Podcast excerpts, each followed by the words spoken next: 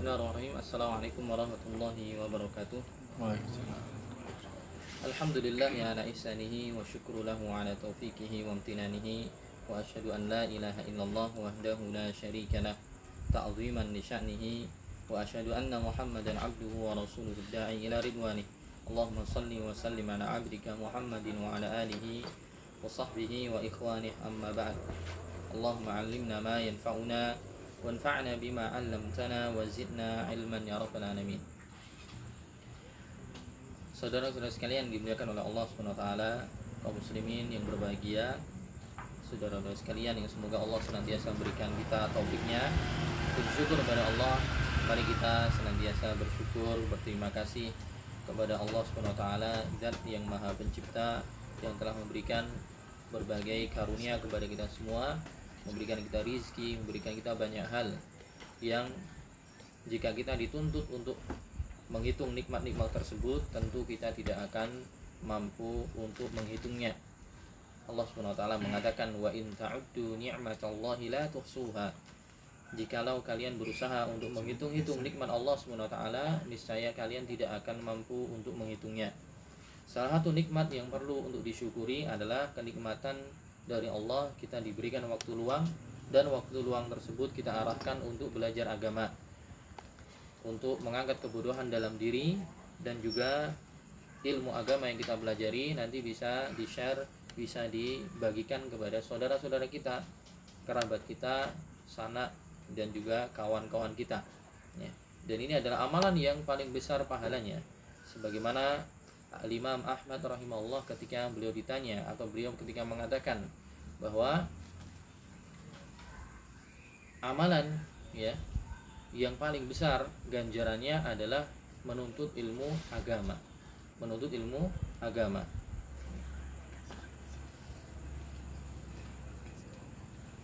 Kata Imam Ahmad beliau mengatakan talabul ilmi la ya'diluhu syai'un idza sahhat niyatuhu. Menuntut ilmu agama itu tidak ada sesuatu yang bisa menandinginya jika niatnya sah. Talabul ilmi la ya'diluhu syai'un idza sahhat niyatuhu. Menuntut ilmu agama itu tidak ada yang menandinginya ganjarannya jika niatnya benar. Muridnya bertanya, "Wahai Imam, kaifa tasihhun niyah?" Wahai Imam, bagaimana sih niat itu menjadi benar sehingga menjadikan menjadi sangat besar an antan wiyarof al jahli an nafsika wa an ghairika. Yaitu ketika menuntut ilmu itu diniatkan untuk mengangkat kebodohan dalam diri dan juga mengangkat kebodohan dalam diri orang lain. Alias seseorang belajar kemudian berilmu setelahnya dia punya ilmu kemudian dia share kepada yang lain sehingga yang lain yang belum tahu menjadi tahu. Baik kawan-kawan sekalian yang dimuliakan oleh Allah kita akan lanjutkan kajian kali ini membahas atau melanjutkan pembahasan syarah al-adabul asyrah syarahul adabil asyrah syarah 10 adab Islam yang dibawakan oleh Syekh Dr. Saleh Al-Utsaimin hafizallahu taala. Salah satu dari anggota ulama besar di Saudi Arabia. Yang mana kita sudah mencapai atau sudah sampai sekarang pada adab yang 9 dan nanti akan masuk ke 10 sekalian ya. Kita selesaikan hari ini sehingga di pekan yang akan datang kita mengganti dengan pembahasan yang baru ya. Insya Allah kita akan membahas tentang as-safaru adabun wa ahkam. Safar adab-adabnya dan hukum-hukum yang terkait dengannya. Ya buku yang ditulis oleh Syekh Muhammad bin Saleh Al Munajjid hafizahullah. Nah, sebelumnya kita akan selesaikan pembahasan kitab uh, adab-adab Islam yang akan kita kaji sekarang ini yang melanjutkan pembahasan yang lalu. Adab yang ke uh, 9 dan ke 10 yang akan kita bahas. Adab yang ke 9 adalah berkaitan dengan adab jalan. Ya adab jalan. Maksudnya orang yang gemar nongkrong di jalan orang yang kegiatannya di jalan itu ada adab-adabnya. Itu adab ketika di jalan. Dan juga yang ke-10 nanti adab pakaian. Ya adab berpakaian. Ya, adab berpakaian jadi yang ke-9 adab tentang berjalan yang ke-10 adab tentang berpakaian. Adapun kemarin ya adab yang ke-8 yang sudah kita bahas adalah adab bermajelis ilmu. Tayyib langsung saja untuk mempersingkat waktu. Adab yang ke-9 Sesalah al mengatakan a'ti tariqa haqqahu faghudda basaraka wa kuffal adza adab yang ke-10 adalah berikanlah jalan hak-haknya atau berikanlah hak-hak untuk jalan. Jadi jalan itu juga punya hak. Apa salah satunya? Ini baru matannya ya belum penjelasan. Adab jalan itu adalah ghuddu basaraka. Pertama kalau orang aktivitasnya di jalan duduk di pinggir jalan kegiatan yang di jalan pertama adalah tundukkan pandangan. Yang kedua kaful ada ya. Tidak memberikan gangguan. Menundukkan pandangan tidak memberikan gangguan. Yang kedua. Yang ketiga raddus salam yang ketiga menjawab salam. Jika ada orang yang mengucapkan salam. Yang kelima wa'mur bil ma'ruf. Yang kelima mengajak kepada yang ma'ruf yang baik. Ya ngajak orang kepada hal yang baik. Dia jualan di pinggir jalan misalnya maka ketika adzan sholat dia ngajak tetangganya sampingnya yang sama-sama jualan. Ayo sholat dulu. Ayo bersedekah dan yang lainnya. Wanha anil mungkar dan juga laranglah perbuatan mungkar ya. jika ada kemungkaran di jalan yang terjadi dan kita mampu untuk ya memberikan peringatan berikan masukan maka laranglah hal itu nah itu globalnya ya globalnya kita akan masuk ke penjelasannya jadi di Adab yang kesembilan ini Syekh Saleh Al Utsaimin Dr. Saleh Al Utsaimin menjelaskan adab yang kesembilan yaitu berkaitan dengan adab atau yaitu adab berkenaan ketika seseorang di jalan. Dan pada pembahasan ini akan ada lima pembahasan ya. Dalam pembahasan adab jalan ini ada lima pembahasan atau lima adab yang akan dibahas berkaitan dengan kondisi seseorang ketika di jalan. Yang pertama adalah permasalahan pertama a'ti tariqa haqqahu yaitu tadi sudah dijelaskan secara global yaitu berikanlah hak-hak jalan ya berikanlah hak-hak jalan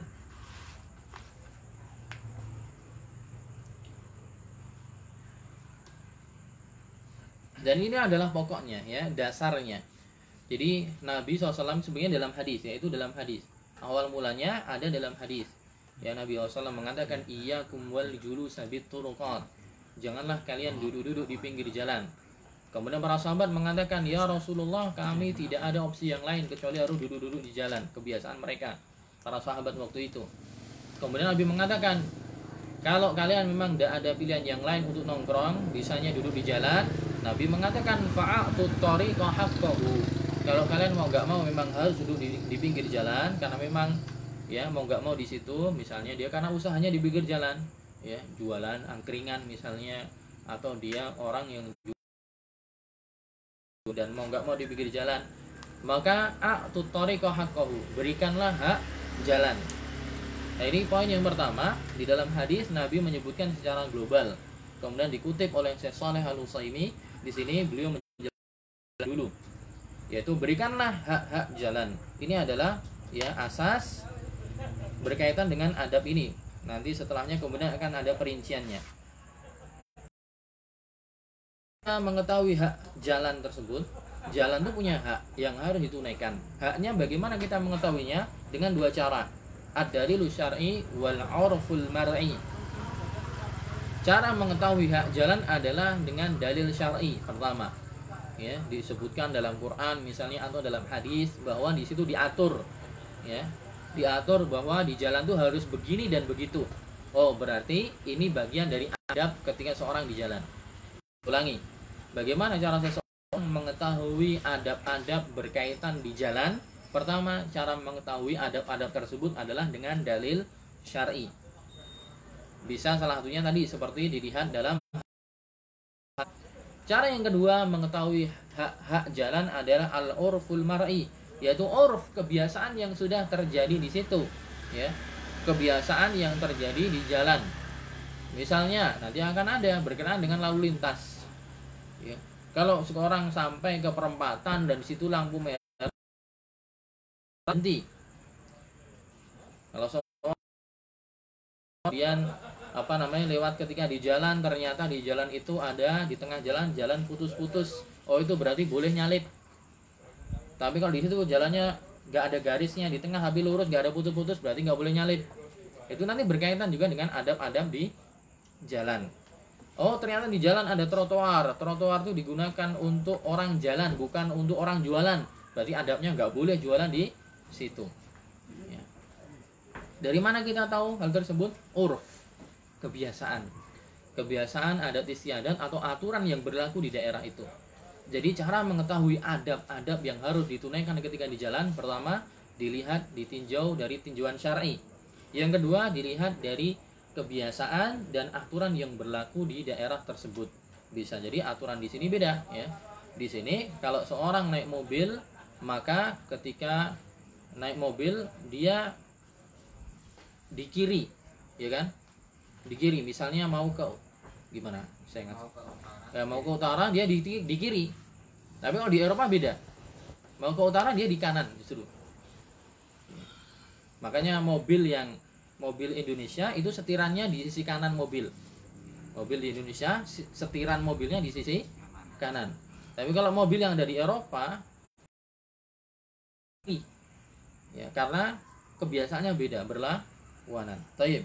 Intinya cara mengetahui adab-adab tentang jalan adalah lihat dari dalil syar'i, yang kedua dari urf kebiasaan di daerah itu.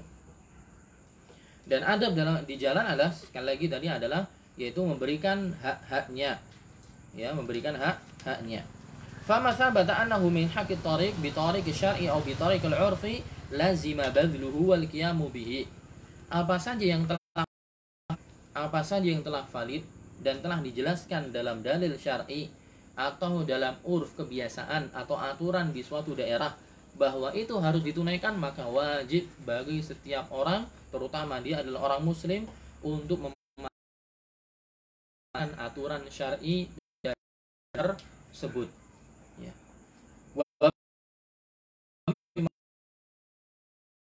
Al-ma'mur bihi dan termasuk ya masalah-masalah yang menjadi turunan. Di permasalahan ini masalah-masalah kontemporer yang menjadi turunan dari adab ini yang mana adab ini tadi diadopsi dari hadis. Ata'arafa alaihi al-khalqu min ahkami tariqil muqarrara fi anzimatil baladiyat al-ikhtilafil buldan yaitu apa saja yang dikenal oleh manusia berkaitan dengan hukum-hukum jalan atau aturan yang termaktub dalam ya rambu-rambu atau ta, atau apa namanya rambu-rambu atau peraturan berkaitan adab-adab di jalan. Dan ini bisa berbeda-beda dari negeri satu dan yang lainnya fa innaha min jumlati ma thabata li tariqi wa lazima salikina lahu bi tariqil urf al mustaqir dan nas. Yang demikian secara global ya termasuk bagian dari hak-hak jalan jalan yang harus ditunaikan oleh orang yang sedang berjalan di situ. Ya, entah dengan motor entah dengan berjalan kaki dan yang lainnya sebagaimana yang diketahui dalam urf yang diakui di daerah tersebut oleh manusia diakui sebagai uruf kebiasaan timanil abdi maka yang demikian menjadi wajib untuk ditunaikan. Li'annahu min jumlah tima yang dari jufi tarik hakahu karena mentaati peraturan lalu lintas aturan-aturan yang tadi sudah dikenal dan disepakati di satu daerah tertentu mungkin secara detailnya aturan lalu lintasnya bisa berbeda.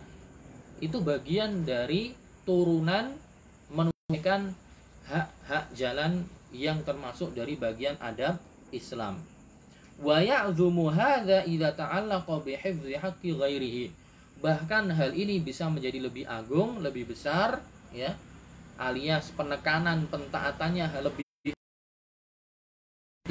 jika hal tersebut nanti berkaitan dengan keselamatan orang lain dengan hak orang lain ya. Maka ditaati.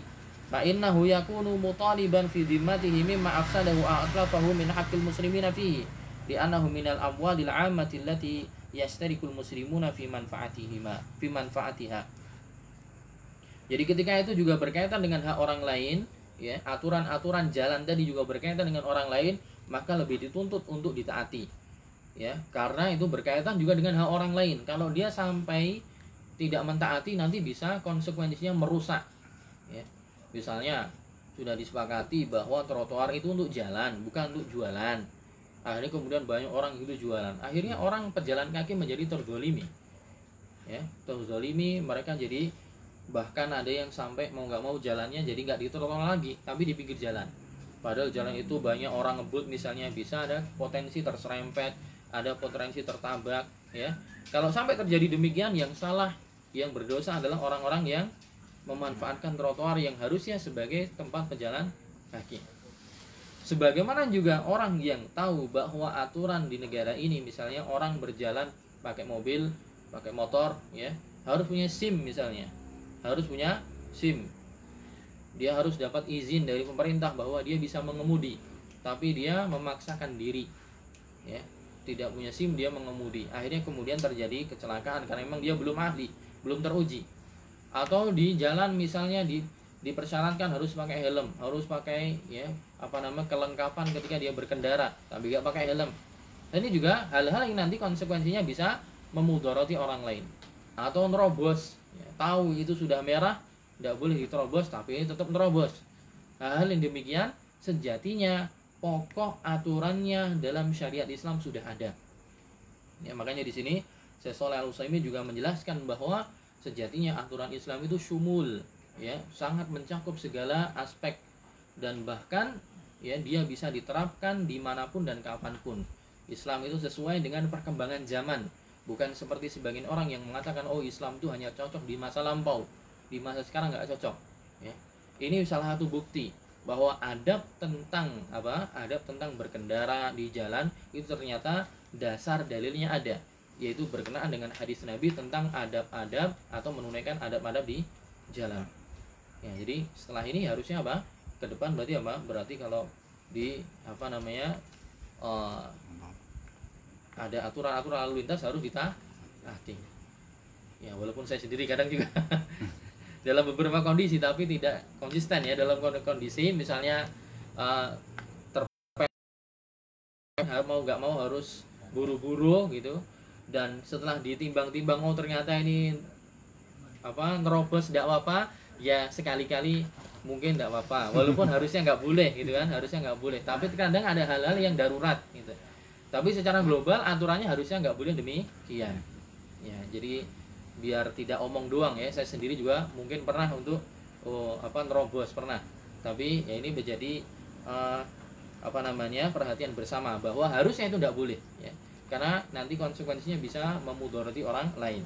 Kemudian di sini selanjutnya Syaikh mulai mentafsil atau mulai memperinci tadi beliau ngomong bahwa adab jalan semuanya ditaati Nah, apa sih secara rincinya? Nah, tadi secara global, sekarang rincinya yang pertama kurang lebih adalah ghaddul basar, yaitu menundukkan pandangan. Ya, bukan jelalatan. Hadza syuru'un fi tafsil i'ta'i tariq haqqahu. Ini beliau mulai menjelaskan ya, mulai menjelaskan rincian bagaimana memberikan hak jalan, yaitu ghaddul basar. Apa itu ghaddul basar? Idna'uhu wa habsuhu wa adamu itlaqihi. Itu adalah salah dan menahan pandangan dan tidak menjadikan dua mata ini jelalatan asal ke sana kemari ya.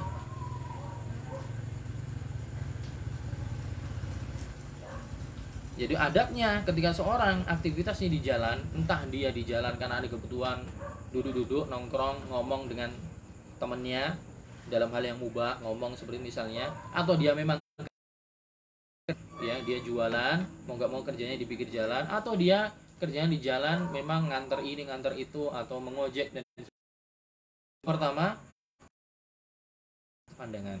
Allah mengatakan kullil mu'minina yaghuddu min absarihim wa yahfazu katakanlah kepada orang-orang yang beriman untuk menundukkan pandangan mereka dan menjaga kemaluan mereka atau kehormatan mereka wa kullil mu'minati yaghudduna min absarihinna wa yahfazna furujahun Allah juga mengatakan katakanlah kepada perempuan-perempuan yang beriman untuk menundukkan pandangan mereka dan menjaga kehormatan mereka. Dalam juga dalam hadis dalam adab ketika di jalan menundukkan pandangan. Antaghuddu basaraka habisan lahu mudinian lahu yaitu Anda ya menundukkan pandangan, ditahan pandangannya, kepalanya ditundukkan kemudian malah ya mengarahkan pandangannya ke kanan atau ke kiri.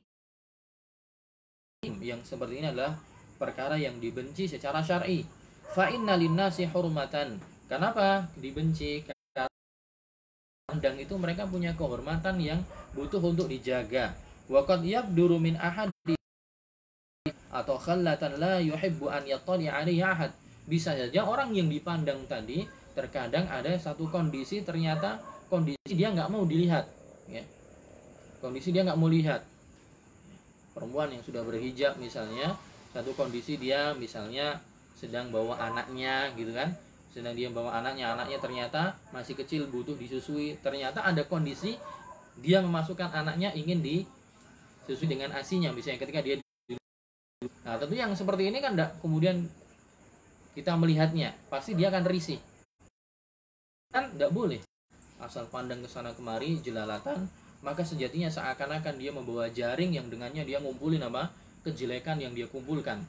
Dia melihat hal-hal yang terlarang. Ya jelas apalagi kondisi sekarang kondisi sekarang zaman seperti ini ketika kaum muslimin ya terutama yang perempuan ya tidak paham hakikat tentang afdolnya perempuan di rumah justru malah banyak yang keluar ya.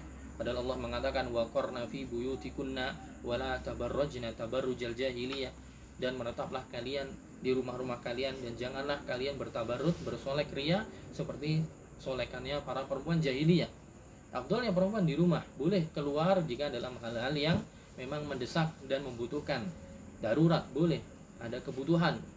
Tapi betapa kita lihat sekarang ya di zaman kita banyak perempuan yang keluar begitu saja tanpa kebutuhan yang jelas. Bahkan lebih parah dari itu ketika mereka keluar ternyata tidak berdandan sesuai dandanan yang yang dituntut oleh syariat. Ya entah dengan pakaian ketat atau sebagian dibuka auratnya dan ini semisalnya. Nah makanya seperti ini lebih parah kondisinya daripada di zaman Nabi SAW maka ketika orang ya seorang lelaki maupun perempuan ya tidak menahan pandangannya dengan baik tentu dia akan mengumpulkan apa? Kejelekan. Akan mengumpulkan kejelekan. Ya selama apa dia memandang selama itulah dia mengumpulkan kejelekan di hari itu ya. Fa'innahu yatali'u huna ala syai' wa hunaka la lihat ini lihat itu wa yakunu fi hadha aw dzaka syarrun fayusri ilai ila qablihi min nadharihi bi khilafi man habasa. Jadi dia akan mengumpulkan kejelekan berbeda dengan orang yang menjaganya dengan baik yang menundukkan pandangannya ya dia jalan dengan menundukkan pandangan menahan pandangannya agar tidak jelalatan. Disebutkan dalam kitab At-Tawwabin oleh Ibnu Qudamah. Ibnu Qudamah menyebutkan ada satu kisah anna orang julanda ila ahadi salihin. Ada seseorang yang berkunjung ke rumahnya orang yang soleh bertamu ya. Kemudian orang yang bertamu tadi rafa'a basarahu ila saqfi kemudian apa? Melihat ke atas. Jadi dia melihat pada hal yang sejatinya tidak butuh ya. Dia bertamu harusnya ngomong kepada yang bersangkutan pandangannya cukup kepada orang yang ingin ditemui tidak kemudian ke sana kemari lihat-lihat. Nah orang ini bertamu sambil melihat atas. Anna yushiku. Kemudian dia melihat di atas ternyata ada ternit atau ada uh, atap rumahnya itu yang hendak rubuh atau hendak jatuh. Faqala inni lam arfa ra'si ilaihi min muddati kada wa kada. Tapi setelah orang ini apa namanya melihat di atas ada sesuatu yang akan jatuh, dia mohon izin kepada pemilik rumah. Mohon maaf, uh, saya lihat itu mau jatuh, tapi saya baru lihat ini barusan saja. Maksudnya saya saat ini sampai saat itu. Nah, kemudian di sini diambil kesimpulan oleh Ibnu Qudamah wa kanu yakrahuna fudulan nadhar kama yakrahuna fudulal kalam. Kisah tadi menunjukkan bahwa dahulu orang Arab itu membenci orang yang berlebihan dalam memandang. Maksudnya apa? Maksudnya tadi orang yang bertamu tadi ketika tidak sengaja dia melihat ke atas harusnya dia mencukupkan ketika bertamu melihat kepada orang yang dikunjungi tapi dia melihat ke atas melihat ke sebagian yang lain dia seakan-akan meminta maaf bahwa apa? Maaf saya melihat ke tempat walaupun akhirnya dia melihat ke sesuatu yang memang uh, bermanfaat juga karena itu mau runtuh sehingga nanti butuh diperbaiki. Tapi poinnya adalah orang di saat itu di zaman waktu itu yang diceritakan oleh Ibnu Kudama orang ini seakan-akan bersalah gitu. Ketika dia melihat sesuatu yang harusnya tidak dia lihat. Maka kemudian diambil kesimpulan Ibnu Qudamah mengatakan wa kanum dahulu orang-orang membenci ya rakrahuna fudulan nazar. Orang-orang membenci untuk memandang berlebihan sebagaimana juga orang membenci berbicara berlebihan. Fudulul kalam. Ya, jadi orang zaman dulu tuh di zaman ketika ya aturan Islam masih dipegang erat ya, dan mereka paham ngomong berlebihan dan memandang berlebihan itu termasuk hal yang dibenci hal yang tidak terpuji di kala itu. Ay yakrahuna anil hajah. Mereka membenci ya kelebihan bukan. Yang dibutuhkan sudah cukup kemudian lebih dari itu mereka membencinya. Seperti ya memandang berlebihan atau berbicara berlebihan. Kenapa? Sesalah Usaimi mengatakan li'annahu min asbabi fasadil qulub. Wa min wa huwa min mawaridi karena memandang berlebihan, ngomong berlebihan itu salah satu sebab rusaknya hati. Dan juga salah satu sebab datangnya penyakit hati. Alama basata Ibnul Qayyim fi Ghafatil Lahfan sebagaimana yang dipaparkan secara luas oleh Ibnul Qayyim rahimahullah dalam kitab Ighatsatul Lahfan. Jadi, memandang berlebihan dan ngomong berlebihan itu menjadikan hati menjadi rusak dan ini benar ya. Coba kadang kita pengen main ke rumah teman. Kita main ke rumah teman. Tujuannya cuma pengen ngomong misalnya. Pengen ngomong besok pelajaran apa. Pengen ngomong besok kerjaannya, deskripsinya apa. Misalnya yang dikunjungi adalah bosnya sebenarnya udah selesai. Oh besok kamu nganter ini ya nganter ini ke sini. Kamu nanti ngambil barang di sini misalnya. Atau oh besok pelajarannya ini dan itu. Harusnya udah selesai cukup ngomong demikian. Tapi ketika ditambahin ngomongnya nanti akan bleber-bleber ke mana-mana. Akhirnya gibah orang. Akhirnya ngomongin orang. Akhirnya kemudian eh kayak tetangga itu gimana sih kemarin kok gini kok gitu? Akhirnya menjadi apa? Dari yang sejatinya sudah dibutuhkan ngomong tentang masalah kerjaan masalah belajar masalah tertentu sudah selesai ketika ditambah yang lain biasanya akan mengantarkan pelakunya kepada hal-hal yang tidak perlu. Dan itu banyak terjadi. Akhirnya kemudian apa namanya menggibah sana menggibah sini dan seterusnya. Walaupun tidak semua ya tapi itu terkadang mengantarkan kepada yang demikian.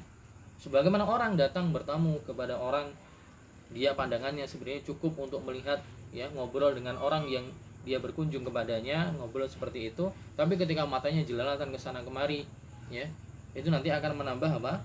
Penyakit hati. Akhirnya kemudian berusaha kok di sana ada suara perempuan apakah itu anaknya? Di sana ada suara perempuan apakah itu istrinya? Akhirnya kemudian penasaran istrinya kayak apa sih? Akhirnya kemudian penasaran anaknya seperti apa? Akhirnya kemudian menambah hal-hal yang tidak bermanfaat justru malah terkadang mencemburkan pada hal-hal yang bisa membawa kepada penyakit hati. Wallahu a'lam bishawab. Kata Syekh Saleh Al-Utsaimin demikian. Permasalahan yang ketiga Permasalahan yang pertama tadi memberikan hak jalan secara global. Itu salah satunya tadi mentaati peraturan lalu lintas. Jika itu dihadapkan kepada permasalahan modern sekarang kontemporer. Kemudian secara rinci apa hak jalan? Yang pertama tadi menundukkan pandangan. Ya. Kemudian yang kedua kaful ada. Kaful ada yaitu tidak memberi gangguan. Apa itu ada? Isaluma yukrohu faman awsala ila ahadin syai'an yakrahu faqad ada. Gangguan atau sesuatu yang dibenci adalah ya kita ya memberikan kepada orang lain entah berupa perbuatan entah berupa perkataan kepada orang lain yang mengganggu dia. Berarti bagian dari orang ketika di jalan adab-adabnya salah satunya adalah tidak memberikan gangguan. Berarti kita ambil contoh di masa sekarang berarti nggak boleh kenal pot gelombongan karena orang yang pakai motor misalnya knalpotnya gelombongan dia ganggu orang lain. Berarti bagian berarti dia tidak bisa menunaikan ada jalan. Contoh berikan gangguan yang lain. Ya, meludah sembarangan. Meludah sembarangan. Di belakangnya ada orang misalnya atau di situ tempat lalu lalang orang yang ludah di situ sembarangan apalagi zaman seperti sekarang corona Or ketika orang ludah sembarangan akan banyak dicurigai ini dahaknya mengandung virus enggak. Jadi harus cari tempat khusus. Contoh yang lain apa? Misalnya dia kerjaannya di pinggir jalan jualan. Tidak boleh mengganggu apa? Berarti jangan kencing sembarangan. Ada orang yang kemudian dia jualan di pinggir jalan, kemudian pengen buang hajat asal kencing di pinggir jalan. Padahal di situ trotoar untuk orang lalu lalang. Yang biasanya dekat terminal banyak kayak gitu. Nah, ini juga enggak diperbolehkan. Contoh yang lain mengganggu, memberikan gangguan secara verbal, pakai perkataan. eh, duduk-duduk nongkrong ngobrol dengan temennya ada cewek liwat dibajul ya. Sing soti. Nah, misalnya mau ke mana mbak? Mau ke mana teh? Gitu ya kalau bu kalau bahasa Sunda. Tidak boleh ya. Haram yang demikian. Berarti itu harus ditunaikan. Nggak boleh untuk memberikan gangguan permasalahan yang keempat roh sanam yang keempat salam. Nah ini gampang ya. Salam ya kita tinggal menjawabnya. Dan menjawab salam hukumnya wajib ya. Bahkan ijma ya. Ijma. Ulama berkonsensus bahwa menjawab salam hukumnya wajib ya. Sebagaimana dikutip oleh Ibnu Abdul Bar Al-Maliki sebagaimana pembahasan yang telah lalu tentang adab salam. Hukumnya wajib ketika menjawab salam. Kemudian permasalahan yang kelima ya permasalahan yang kelima tentang adab setelah tadi uh, menundukkan pandangan ya menundukkan pandangan kemudian menahan diri dari uh, tidak memberikan gangguan kemudian menjawab salam. Yang kelima adalah mengajak kepada kebaikan dan melarang kepada kemungkaran. Fata'muru bil ma'ruf yaitu kamu mengajak orang-orang untuk berbuat ya, memotivasi untuk berbuat baik dan melarang kepada melarang kepada kemungkaran. Ngajak berbuat baik gimana? Ya tadi seperti misalnya kita kerja di pinggir jalan. Ketika sudah adzan masuk kita ngajak ayo mas sholat cike ditutup sih warungnya di lock misalnya. Sebentar. Gerobaknya tutup dulu tulis aja sedang sholat duhur sedang sholat asar ya sholat dulu jangan ditinggalkan. Atau melarang ya melarang untuk berbuat mungkar kalau berani ya ini. Hmm. kalau berani. Kalau berani dengan kekuatan kalau nggak berani paling tidak dengan lisan kalau nggak berani minimal dengan hati. Sebagaimana dalam dalam hadis Nabi man ra'a minkum munkaran falyughayyirhu biyadihi fa illam yastati fa bilisani wa illam yastati fa bi qalbihi wa dzalika adhaful iman. Minimal diingkari dengan hati kalau memang tidak mampu. Tapi bagi yang mampu untuk mengingkari maka itu bagus ya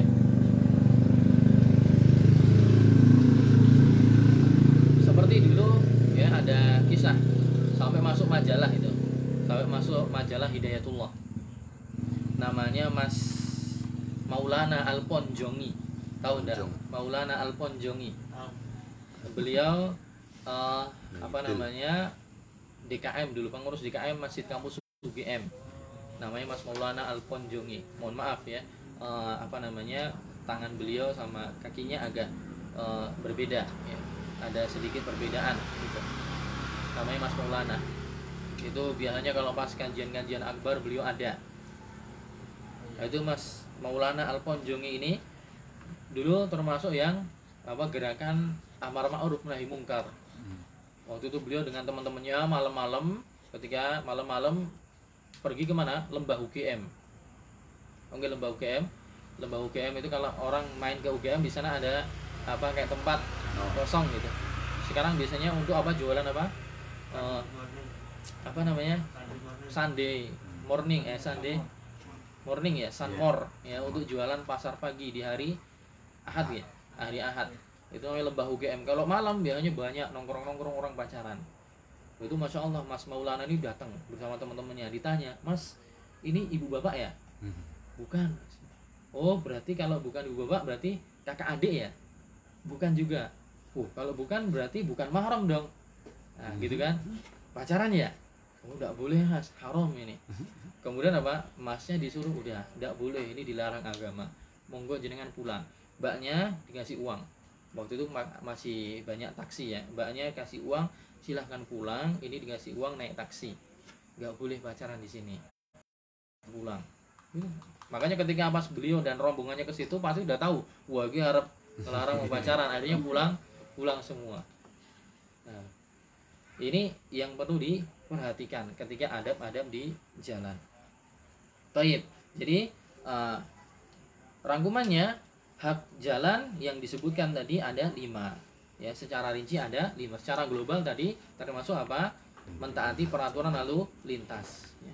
Ada secara rinci, yang pertama tadi adalah menundukkan pandangan. Yang kedua adalah menahan diri dari gangguan, tidak boleh memberikan gangguan baik secara perbuatan maupun secara perkataan. Kemudian yang ketiga menjawab salam. Yang keempat, kalau mau nggak mau di jalan berarti harus berani mengajak kebaikan ya. kemudian yang kelima adalah melarang kemungkaran kalau memang itu memungkinkan ya tapi kalau tidak memungkinkan seperti di pinggir jalan kok ada segerombolan preman badannya gede-gede tatoan pada mendem di situ dan kemungkinan kalau kita melarang malah kita dibubukin mati ya berarti kalau berani ya monggo gitu. Hmm. tapi kalau tidak berani ya minimal dalam hati mengingkari sambil mendoakan semoga mereka dapat hidayah hidayah tapi jangan kemudian diam saja. Tapi kalau mampu untuk memberikan nasihat masukan atau melarang maka itu yang dituntut. Taib. Kita masuk adab yang ke 10 ya. Adab yang ke 10 yang terakhir. Apa nih ya? Anak nyampaikannya agak cepat soalnya kalau kelamaan nanti uh, takutnya waktunya kelamaan adab yang terakhir adab yang ke 10 ya. Itu adab tadi tentang apa? Berpakaian ya. Adab berpakaian. Ada berpakaian di sini. Beliau mengatakan ilbasil jamila minas thiyab. Pakailah pakaian yang indah ya. Pakailah pakaian yang indah. Berpakaian pertama pakailah pakaian yang indah. Kemudian wa afdalu hal bayad dan pakaian yang paling afdal adalah warna putih adalah warna putih yang ketiga, wala yujawizu ka'baika suflan. Namun pakaiannya tidak boleh melebihi dua mata kaki. Ya. Namun pakaiannya tidak boleh melebihi dua mata kaki. Nika lubusan wa bishimalika khal'an. Pakailah pakaian yang indah, yang paling afdal warna putih, jangan melebihi mata kaki dan mulailah dengan sisi kanan ketika memakai. Mulailah dengan sisi kanan ketika memakai dan lepaskanlah dari sisi kiri ketika melepas. Ketika memakai sisi kanan dulu, ketika melepas yang kiri du, dulu. Saya ulangi. Ketika ada berpakaian, yaitu pakailah pakaian yang indah. Yang afdolnya warna putih. Jangan melebihi dua mata kaki di bawah maksudnya dan mulailah dengan yang sisi kanan ketika memakai. Lepaskanlah dengan yang sisi kiri dulu ketika mele melepasnya. Taib, itu adab yang ke 10 dan dari sepu, uh, adab yang 10 tadi sebagaimana rincian tadi di matan ada lima pembahasan. Ya ada lima pembahasan tadi ya memakai yang indah warna putih tidak boleh melebihi mata kaki sisi kanan dulu kemudian lepasnya isi kiri. Berarti ada lima permasalahan. Perinciannya sebagai berikut ya. Perinciannya sebagai berikut. Permasalahan pertama dikatakan tadi pakailah pakaian yang indah ya. Dan ini ada dalilnya juga ya. Dalam hadis Nabi mengatakan innallaha jamilun yuhibbul jamala sesungguhnya Allah itu maha indah dan mencintai keindahan ya jadi memakai pakaian yang indah itu bukan kesombongan. Ya. Di situ adalah hal yang Allah cintai. Ya, hal yang Allah cintai. Tentang anjuran si anjuran indah itu para ulama menjelaskan bahwa dalilnya itu ya innallaha jamilun yuhibbul jamala. Adapun dalil yang biasanya sering di apa namanya tersebar di kalangan kaum muslimin an-nadhafatu minal iman itu kebersihan sebagian dari iman itu Allah alam bisawab setahu saya atau sebenarnya yang saya tahu dan juga penjelasan ulama itu tidak sabit sesuatu yang sah sahih. Bahkan ada yang mengatakan itu palsu ya. Ada yang mengatakan itu palsu tapi dia tidak sahih. Yang sahih adalah hadis ini innallaha jamilun yuhibbul jamala sungguhnya Allah itu maha indah mencintai keindahan konsekuensi indah ya pasti bersih gitu jadi kalau mau pakai dalil untuk menganjurkan kebersihan, maka pakainya yang itu. Sungguhnya Allah itu Maha Indah mencintai keindahan, bukan an-nadhafatu minal iman. Tayyib, di sini permasalahan pertama pakaian yang indah. Maka di sini diperintahkan untuk memakai pakaian yang indah, yaitu saub atau siap. Apa itu saub? Saub itu satu nama, ismun limayul basu ala syai'in minal badan. Saub dalam bahasa Arab itu adalah nama yang diletakkan untuk sesuatu yang dipakai di badan ya. untuk sesuatu yang dipakai di badan. Maka bisa masuk di situ saub dalam artian kalau orang Arab bilang saub itu adalah jubah ya. Saub tapi kalau komis itu hem. Komis itu hem. Komis itu bahasa Indonesia jadi gamis. Bahasa Arabnya komis ada komisun bagi yang belajar bahasa Arab. Jadi Indonesia jadi ga? Gamis. Nah kalau saub orang Saudi misalnya dia bilang saub itu adalah pakaian yang full panjang. Itu namanya saub. Tapi kalau kemeja namanya komis tapi sejatinya makna saub itu lebih umum. Intinya apa saja yang dipakai di badan ya. Baik itu kemeja ataupun imamah ya sorban itu semua ya kullu mayul basu alal badan yusamma sauban itu semua masuk kategori saub ya. Summiya sauban li annahu yusabu ilai ayurja'u ilai fayulbasu marratan ba'da marrah dikatakan saub kenapa? Karena orang kembali untuk memakainya lagi. Dipakai kemudian lagi. Nah, kemudian tadi dikatakan bahwa kita dituntut untuk memakai pakaian yang indah. Ukuran itu sebagai pakaian yang indah itu apa?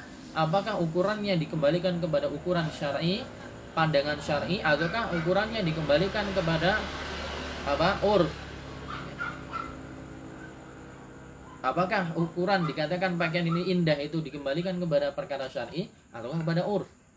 Maka di sini dikatakan al al jamilu minasyab al mustahsanu syar'an au urfan baju dikatakan jamil, dikatakan indah, itu adalah yang dinilai oleh syariat sebagai sesuatu yang indah. Atau juga terkadang dinilai oleh urf sebagai sesuatu yang indah. Tapi tidak menitik beratkan secara penuh, secara urf itu indah. Karena terkadang nanti menurut urf itu indah, tapi menurut syari tidak in, indah. Contohnya, ya, orang barat, orang barat mengatakan bahwa ya atau perbuatan mereka menunjukkan bahwa perempuan pakai bikini perempuan pakai rok seksi itu indah. Menurut mereka. Ya. bagi mereka indah. Perempuan memakai rok di atas lututnya itu indah bagi mereka. Tapi secara syar'i jelas itu tidak indah. Itu itu tercela. Makanya dikatakan indah di sini pertama timbangannya adalah syariat dulu. Ya. maka perempuan yang berhijab itu indah menurut syariat. Walaupun terkadang urf mengatakan oh itu tidak bagus itu gimana uh, image-nya miring dan seterusnya maka cuekan aja. Menurut syariat itu indah. Dan sejatinya secara tabiat mereka itu lebih indah daripada yang membuka auratnya.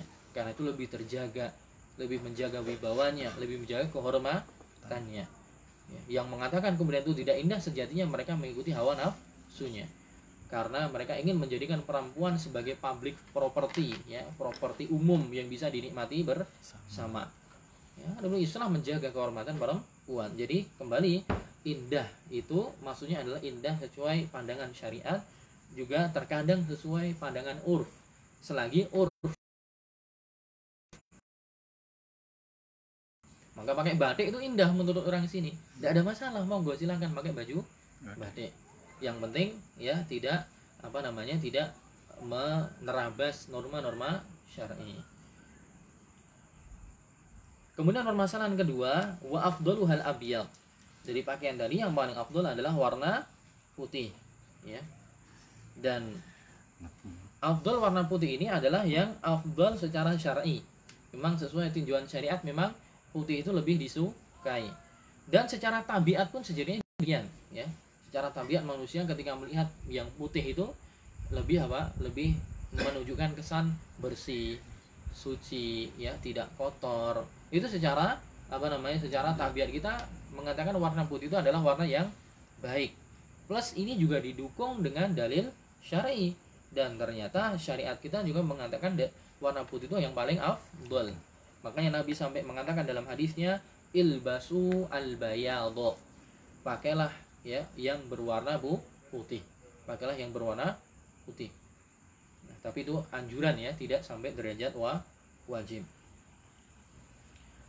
Tayyib wal malbusu minal bayar sesuatu yang dipakai dengan warnanya putih mastahsanahul urfu duna mastakbahahu nah, apa namanya? Nah, memang dalam dalil syariat kita dianjurkan pakai yang berwarna putih.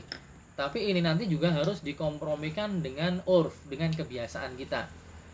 Kebiasaan suatu daerah itu berbeda beda. Wal urfu yakhtalifu bi ikhtilafil azminati wal amkinah. Dan perbedaan apa kebiasaan di suatu daerah itu berbeda-beda dengan perbedaan zaman dan juga perbedaan tem tempat. Jadi walaupun secara syar'i itu warna putih itu dianjurkan dan itu baik maka juga ketika memakainya harus memperhatikan kebiasaan. Ya, kebiasaan manusia di tempat tertentu. Karena ternyata di tempat tertentu misalnya kebiasaan pakai warna putih dalam kondisi ini ternyata nggak bagus. Maka kondisi itu ya anjuran untuk memakai putih menjadi juga tidak bah baik. Saya ulangi. Memang dalam syariat dianjurkan memakai yang warna bu putih. Tapi tidak mutlak kemudian harus dipakai putih. Terkadang harus menimbang-nimbang kondisi di suatu daerah. Jika di satu daerah itu ternyata warna putih menjadi sesuatu yang tidak disukai atau dibenci dalam kondisi tertentu, maka ketika itu kita memakai warna putih justru malah tidak af afdol. Nah, makanya di sini Syekh Saleh al mengatakan, "Faminal mamduhi fi urfi qutrina", termasuk hal yang terpuji dalam kebiasaan yang ada di tempat kami yaitu masih di Saudi Arabia, yaitu orang ketika memakai ya, memakai pakaian secara kebiasaan adatan bayadon itu dia memakai pakaian yang putih an bisa amamatahu aw thabahu yang putih itu adalah ininya apa imamahnya atau jubahnya yang putih. Tapi apa tapi duna hidaihi tapi bukan yang putih sepatu sepatunya jadi ini tapi kemudian bukan jadi haram juga bukan tapi secara off di itu dikatakan ini tidak tidak bagus jelek gitu. kebiasaan mereka yang putih itu adalah imamahnya, sorbannya dan juga apa namanya uh, bajunya. Tapi sepatunya nggak putih, sepatunya warna yang lain. Nah, ketika kemudian di daerah itu ternyata warna putih itu nggak cocok untuk sepatu, maka tidak kemudian dia pakai sepatu warna putih. Yang afdal dia pakai warna yang lain yang menjadi kebiasaan di daerah tersebut. Nah, Anda tahu kalau di sini sepertinya warna putih mutlak ya dipakai di segala kondisi boleh-boleh sah saja atau ada kondisi yang lain seorang yang pakai warna putih menjadi apa uh, aneh gitu. Apa? Kerja bakti. Kerja bakti pakai warna putih semua gitu. Kerja bakti pakai jubah warna putih sah semua misalnya. Atau apa? Ya mungkin dicari sendiri ya. Ya misalnya dalam kondisi tertentu ternyata itu tidak dikatakan tidak sesuatu yang baik dalam uruf itu maka hal itu juga menjadikan warna putih ketika itu tidak menjadi afdol. Fa'inan nas yastakbihuna dzalika. Nah, tadi dalam contoh orang Arab tadi ketika orang pakai sepatu warna putih, orang-orang di Arab kebiasaannya mereka menganggap itu hal yang tidak baik. Faya jri fi ma yalbisu minal bayat fi ma yajri al-urfu bimadhihi fihi duna istakbahahu. Jadi maka kita katakan ya, ketika orang memakai warna putih maka harus sesuai dengan urf yang ada di tempat itu. Ketika di itu urf ini terpuji pakai putih, baju imamah maka dipakai. Duna mastakbahahu ya, dengan tanpa memakai warna putih dalam kondisi yang dibenci atau dianggap tidak baik pada urf di tempat tersebut. Fa innal a'raf tur'a. Beliau mengatakan karena urf kebiasaan dalam masalah berpakaian pakai warna apa tadi itu diperhatikan ya suatu yang dipertimbangkan. Oh, ternyata warna ini tidak cocok, maka ini menjadi pertimbangan untuk tidak menerapkan warna putih dalam pakaian dalam kondisi yang dianggap tidak cocok. Baik, kemudian permasalahan yang ketiga, wala yujawizu ka'baika suflan.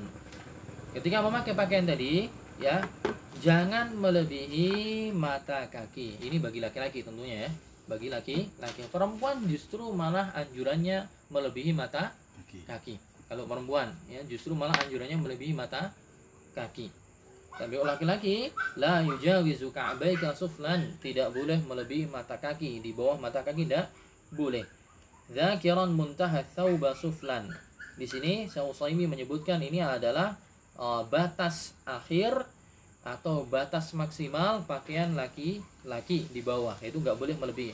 Sampai mata kaki masih boleh. Yang penting nggak boleh di bawah itu. Mentoknya berarti di mata kaki. Walaupun kita tidak pungkiri ya kita tidak pungkiri masalah ini adalah masalah yang dikhilafkan oleh para ulama. Ulama sepakat bahwa orang yang ya orang yang menarik pakaiannya sarungnya celananya di bawah mata kaki semua sepakat itu haram ya semua sepakat itu haram ya. kalau dengan kesombongan di bawah mata kaki dengan kesombongan Adapun kalau di bawah mata kaki tapi dia tidak sombong, ini ulama berbeda pendapat. Justru jumhurul ulama mengatakan ya tidak sampai derajat haram. Ada yang mengatakan makruh, ada yang mengatakan justru boleh. Seperti dalam madhab syafi'iyah mereka mengatakan boleh. Yang lain minimal mengatakan makruh. Dan ini pendapat Imam An-Nawawi, Ibnu Taimiyah dan yang lainnya. Adapun yang mengatakan itu haram secara mutlak ya, seperti Ibnul Al-Maliki, Al-Imam zahabi dari kalangan Syafi'i, kemudian juga Ibnu Hajar Al-Asqalani mengatakan haram mutlak di bawah mata kaki entah sombong atau tidak sombong. Tapi jumhur ulama mengatakan hal tersebut apa? Hukumnya tidak sampai derajat ha haram jika tidak ada kesombongan.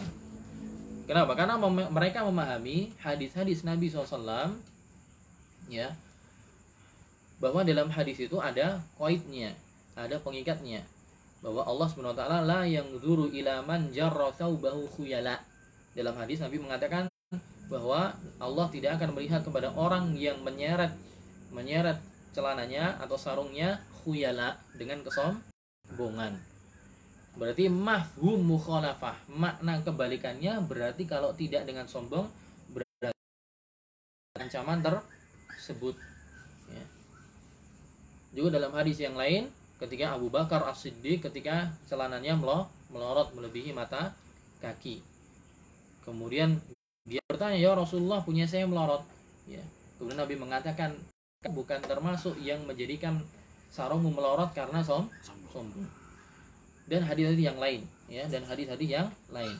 Dan dalam kaidah apa namanya dalam kaidah usul fikih kalau ada dalil mutlak dan dalil yang lain muqayyad maka yuhmalul mutlak alil muqayyad. Jika ada beberapa dalil yang yang sama hukum yang sama satu hadis. Ternyata menjelaskannya mutlak. Yang hadis yang lain menjelaskannya muqayyad. Itu disebutkan mutlak saja. Misalnya dalam hadis mutlak tanpa ada penyebutan sombong. Misalnya Nabi mengatakan bahwa Allah SWT la yang zuru Allah tidak melihat kepada tiga orang. Wala yukallimuhum. Dan juga Allah tidak akan mengajak bicara mereka di yaumul kiamah. Siapa mereka? Al musbilu al mannanu ya. Walladhi yabi'u bihalfil kadhib atau kama qala Nabi SAW tiga orang itu siapa? Al musbil itu orang yang apa namanya isbal. Pakainya di bawah mata kaki. Kemudian al mannan orang yang memberikan kebaikan di ke depannya kemudian disebut-sebutkan lagi kebaikan yang sudah diberikan. Ungkit-ungkit yang ketiga adalah orang yang menjual barang dagangannya dengan sumpah palsu. Tiga orang ini diancam nanti dia milik kiamah tidak diajak ngomong oleh Allah tidak dilihat. Nah, di sini disebutkan musbil saja mutlak tanpa ada pengikat bahwa musbilnya itu sombong atau tidak ya. atau dalam hadis yang lain Nabi mengatakan ma'as fala minal ka'baini fafinnar apa saja yang ada di bawah mata kaki maka konsekuensinya di neraka entah di bawah mata kaki sombong atau tidak sombong. Tapi ternyata dalam hadis yang lain ada penjelasan bahwa ya yang dapat ancaman seperti itu adalah yang som sombong. Nah, hadis yang awal tadi mutlak tanpa ada kaitan sifat tertentu. Yang ini ada kaitan sifat tertentu. Itu yang menarik yang menjulurkan celananya som sombong. Maka para ulama memakai kaidah yuhmalul mutlak alal muqayyad. Berarti maksud dari hadis-hadis yang mutlak tadi diangkut kepada yang muqayyad yaitu yang terikat dengan sifat som sombong nah, ini mau nggak mau kita harus jujur ini namanya khilaf mu'tabar khilaf fikih yang mu'tabar yang sudah ada sejak zaman lampau dan justru jumhur mengatakan kalau ditarik di bawah mata kaki tidak sombong itu tidak sampai derajat ha haram walaupun saya pribadi termasuk yang berpendapat haram ya saya pribadi saya lebih ikut condong kepada pendapat Ibnu Hajar dan juga ya Az-Zahabi dan yang lainnya tapi mau nggak mau kita harus menjelaskan agar apa? Agar kita lebih bisa berlapang dada, ya. karena sebagian orang ada yang menghukumi fulan itu ahlu sunnah atau tidak gara-gara cuma dilihat celananya aja nah oh, apa namanya musbil kemudian nggak diajak ngomong nggak diajak salam. Ini keli keliru. Ini bukan perkara yang mengeluarkan pelakunya dari lingkaran ahlu sunnah khilaf fikih ya. Bisa jadi dia ngikuti ulama yang mengatakan itu. Ya walaupun afdolnya apa keluar dari khilaf. Sebagaimana kaidah fikih yang dulu kita apa kaidah fikih yang dulu kita pelajari. Al khuruju minal khilafi aula keluar dari perselisihan ulama dari perkara yang diperselisihkan kepada perkara yang disepakati itu lebih utama. Mendingan apa? Mendingan jangan sampai di bawah mata kaki. Misalnya mau agak panjang ya udah mentok sampai mata kaki. Kalau sampai mata kaki nggak ada yang ribut, ya kan? Nah, makanya lebih afdal keluar dari khilaf ulama. Ambil aja misalnya dia nggak bisa atau belum bisa di atas mata kaki, karena tidak disebutkan dalam hadis Nabi itu uh, celahnya Nabi SAW itu nisfus sak celahnya Nabi itu apa? Separuh be betis. Jadi congklang banget gitu. Tapi misalnya belum bisa ya di bawahnya dikit. Di bawahnya dikit yang penting mentok sampai mata kaki. Jangan di bawah itu. Kalau udah di mentok mata kaki nggak ada yang mengatakan haram. Udah itu batas maksimal. Tapi kalau sampai di bawah nanti hilaf ada yang mengatakan itu haram ada yang mengatakan makruh gitu. Jadi yang bersangkutan ya harusnya lebih bi bijak. Tapi misalnya dia milih di bawah mata kaki berpendapat ada ulama yang mengatakan itu makruh atau bahkan yang mengatakan itu mubah, yang penting tidak sombong, ya kita hormati. Ya, tidak kemudian langsung, oh kamu keluar dari ahlu sunnah, kamu bukan salafi, saya tidak akan ngomong sama kamu, ketemu gak akan ngucap salam. Ini juga keli keliru. Nah, kalau seperti itu adanya, nanti permasalahan fikih itu ribuan. Setiap permasalahan fikih yang kita beda sama dia, kemudian difonis ini, itu juga apa tidak bijaksana. Harus banyak piknik ya banyak piknik buka kitab ulama ya. Buka kitab ulama. Baca tuh al mughni baca tuh apa uh, majmu syarah muhadzab baca itu at-tamhid Ibnu Abdul Bar misalnya agar lebih luas pandangannya. Tayyib. Jadi itu perbedaannya tapi saya pribadi saya memilih pendapat yang tidak isbal dan itu lebih selamat dan sepakat semua ulama kalau sampai tidak isbal itu yang dapat ganjaran ya itu dapat ganjaran karena jelas itu perkara yang disunahkan Nabi SAW pasti dapat ganjaran daripada di bawah malah eh, apa dipertikaikan mendingan yang selamat dan bahkan itu bisa dapat ganjaran. Tayyib. Permasalahan yang keempat, Kemudian setelah masalah pakaian tidak boleh di bawah mata kaki, ya. Itu yang di bawah ya, yang di bawah. Kalau di atas gimana pakaian maksimal? Maksimal pakaian amma ma ya'lu minhu ma yatahaqqaqu bihi satrul awrah.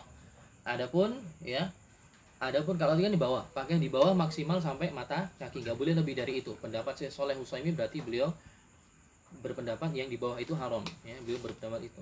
Adapun yang ke atas minimal sampai berapa minimal sampai pusar eh kok minimal. Apa? Maksimal. Maksimal sampai pusar. Atau di atas pusar dikit. Kalau sampai pusarnya kelihatan itu enggak boleh. Karena pusar laki-laki yang balik itu adalah au aurat. Ya. dalam hadis Nabi SAW ma baina surrati wa rukbati aurah. Apa yang di antara apa namanya uh, udel ya apa pusar dengan uh, dengkul itu au aurat. Cuma nanti ulama khilaf juga. Apakah dengkul itu aurat gitu? Apakah dengkul itu hmm. aurat? Ada yang mengatakan dia bagian dari aurat, ada yang mengatakan dia bukan aurat. Kenapa? Nabi mengatakan antara pusar dengan dengkul. Antara pusar dengan dengkul. Berarti dengkul itu bukan au aurat. Karena yang yang dikatakan aurat adalah yang antara pusar dengan dengkul. Berarti di atasnya deng dengkul tapi sebagian ada yang bagian dari aurat ya. disebutkan dalam hadis itu dia menunjukkan bahwa dengkul juga bagian dari aurat. Juga berdalil dengan hadis yang lain ketika Nabi SAW pas di tahun 35 Hijriah ketika Ka'bah hancur kena banjir. Kemudian setelahnya Ka'bah dibangun ulang. Nabi SAW Nabi SAW ikut bantu ngangkat-ngangkat apa? Batu. Kemudian ketika pas angkatkan batu disuruh sama salah satu pamannya Muhammad itu dicopot aja sarungnya. Ngeribet ngeribetin. Kamu angkat batu ketika pakai sarung itu ribet. Akhirnya ketika sama Nabi Muhammad SAW mau dicopot ya mau diangkat mau tersingkap dengkulnya kemudian apa? Allah jadikan Nabi Muhammad terpleset. Terpleset akhirnya nggak jadi apa? Nggak jadi mengangkat sarungnya sehingga tertampakkan apa? Dengkulnya. Nah di situ kemudian uh, sebagai ulama memberikan sisi pendalilan bahwa menunjukkan bahwa dengkul apa bagian dari aurat. Buktinya Nabi dijaga. Nabi dijaga agar tidak menampakkan apa? Lututnya. Ya. bahkan sebelum beliau jadi nabi itu tahun 35 Hijriah. Eh, tahun eh, beliau umur 35 tahun. 5 tahun sebelum apa? Sebelum pengangkatan beliau jadi nabi. Eh, lebih selamat adalah menjadikan apa? Eh, dengkul atau lutut sebagai bagian dari aurat. Ya jadi kalau keluar-keluar berarti jangan sampai kelihatan nah, terutama yang senang main bola bola ya di ditutup ya bukan ditampakkan. Taib. Kemudian permasalahan selanjutnya ya yang terakhir ini uh, wabda biyaminika. Ah uh, belum kan ini? 5 menit lagi insyaallah. Uh, bagi yang berpendapat tadi uh, belum saya baca tadi, bagi yang berpendapat bahwa ya kapankah hal itu menjadi haram? Isbal menjadi haram dalam kondisi ikhtiar, yaitu dalam kondisi kita bisa mi milih. Adapun dalam kondisi darurat maka menjadi boleh untuk isbal. Contohnya orang yang jadi tenaga kesehatan mau nggak mau pakai apa? Pakaian apa itu namanya? Ya sekarang pakaian apa itu yang mahal itu sekali pakai buang? APD. Nah, APD. Mau nggak mau pakai itu ya, seluruhnya. Jadi apa? Jadi akhirnya isbal. Nah, yang seperti ini nggak terlarang. Karena dia daru darurat. Atau contohnya ya,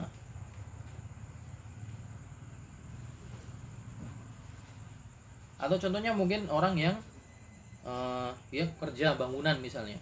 Kerja bangunan misalnya dia harus pakai baju yang lengkap atau di pertambangan harus pakai baju full. Kalau kalau ada yang tampak dari sebagian organ tubuhnya kakinya nanti tidak apa kena jadi bahaya maka nggak mau harus mau nggak mau pakainya harus tebel sampai apa sampai mata kaki. Bahkan nanti ada sepatu tebelnya. Nah ini tidak apa-apa. Yang seperti ini adalah kondisi dibutuhkan. Bisa saja menjadikan itu kondisi daru darurat. Adapun yang dilarang adalah ketika kondisi pilihan alias tidak tidak mendesak. Ya kondisi kita jalan kondisi kita santai kondisi kita apa namanya eh, kondisi-kondisi yang lain yang tidak mendesak maka yang sebetulnya harus apa? Harus di atas mata kaki. Baik, kemudian wabda biyaminika. Nah, pakaian tadi pakailah dengan apa namanya pakaian dengan pakailah yang kanan du, dulu ketika memakai. Juga melepasnya dengan yang kiri du, dulu ketika melepas. Nah hal yang seperti ini berlaku untuk apa? Berlaku untuk sesuatu yang mempunyai dua sisi berlaku untuk sesuatu yang mempunyai dua sisi yaitu apa ya baju karena baju lengannya ada kanan dan kiri celana ada lubangnya kanan dan kiri. Adapun yang adapun yang sesuatu yang dipakai tidak punya dua sisi, ya maka nggak usah kanan dulu. Misalnya peci satu sisi aja, jangan kanan dulu kemudian gini. Nggak nggak berlaku seperti itu. Peci ya udah langsung aja gini. Ya. Itu yang berlaku hanya berkaitan dengan apa? Sesuatu yang punya dua sisi, ya baju, ya kanan dulu baru kiri. Celana kanan dulu kiri dulu. Sandal sepatu kananku dulu kiri dulu. Adapun yang cuman punya satu sisi ya seperti peci topi atau yang lainnya maka apa namanya cukup ya sekali aja langsung sebisanya. Tidak usah kemudian kanan dulu baru kiri. Atau apa yang lain kalau kalau bisa suka Nah, berarti ya nggak sesuai adab gitu. dulu atau ya kalau kalau pengen dapat ganjaran ya pengen dapat ganjaran kiri, kiri. Nah, maka kiri dulu.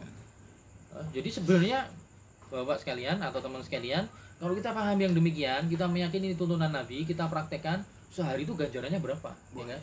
masuk masjid kanan dulu meyakini itu sunnah Nabi hmm. pakai baju kanan dulu meyakini sunnah Nabi. Ngeluarin baju kiri kiri dulu ya. Kemudian balas salam. Dan seterusnya. Sehari itu ganjarannya banyak sekali. Ya jika kita bisa meraktekkan dengan baik. Ya mungkin itu dulu. Ini sudah selesai apa yang kita sampaikan. Tamat bihamdillah. Ya selesai. Alhamdulillah segala puji bagi Allah. Ya. Pembahasan sudah selesai. Lian alhamdulillah kalimat syukur karena memuji Allah adalah kalimat syukur. Walhamdulillahi ma'murun bihi. Dan memuji Allah adalah sesuatu yang diperintahkan inda ru'yati nikmatihi ketika kita mendapati nikmat Allah minha tamamu tasnifi minal musannifin. Dengan demikian telah selesai ya karangan tulisan penjelasan dari beliau Syekh Shalih Al-Utsaimin uh, hafizullah taala semoga Allah ya menjadikan ilmu beliau bermanfaat bermanfaat bagi beliau bermanfaat bagi kita semua dan kita bisa mengamalkannya dengan baik. Mohon maaf jika ada kekeliruan dan kekurangan dari saya. Insya Allah kita bertemu lagi di kesempatan yang akan datang membahas dengan kitab yang lain. Adapun di hari Kamis Insya Allah kita masih melanjutkan kitab Syarhus Sunnah lil Imam Al-Muzani. Pembahasan akidah ya Syarhus Sunnah oleh Al Imam Al-Muzani. Dan hari Senin besok kita akan mulai kajian pembahasan safar dan adab-adabnya ya. Terutama para bikers ini harus paham ya. Bikers adab-adab safar itu seperti apa keutamaan merantau keutamaan melanglang buana seperti apa itu nanti ada adab-adab yang akan dibahas. Itu dulu mungkin Subhanakallahumma bihamdika asyhadu an la ilaha illa anta astaghfiruka wa atubu ilaik. Assalamualaikum warahmatullahi wabarakatuh. Waalaikumsalam. Indikator baterai cek full. Nah. Padahal rong izin.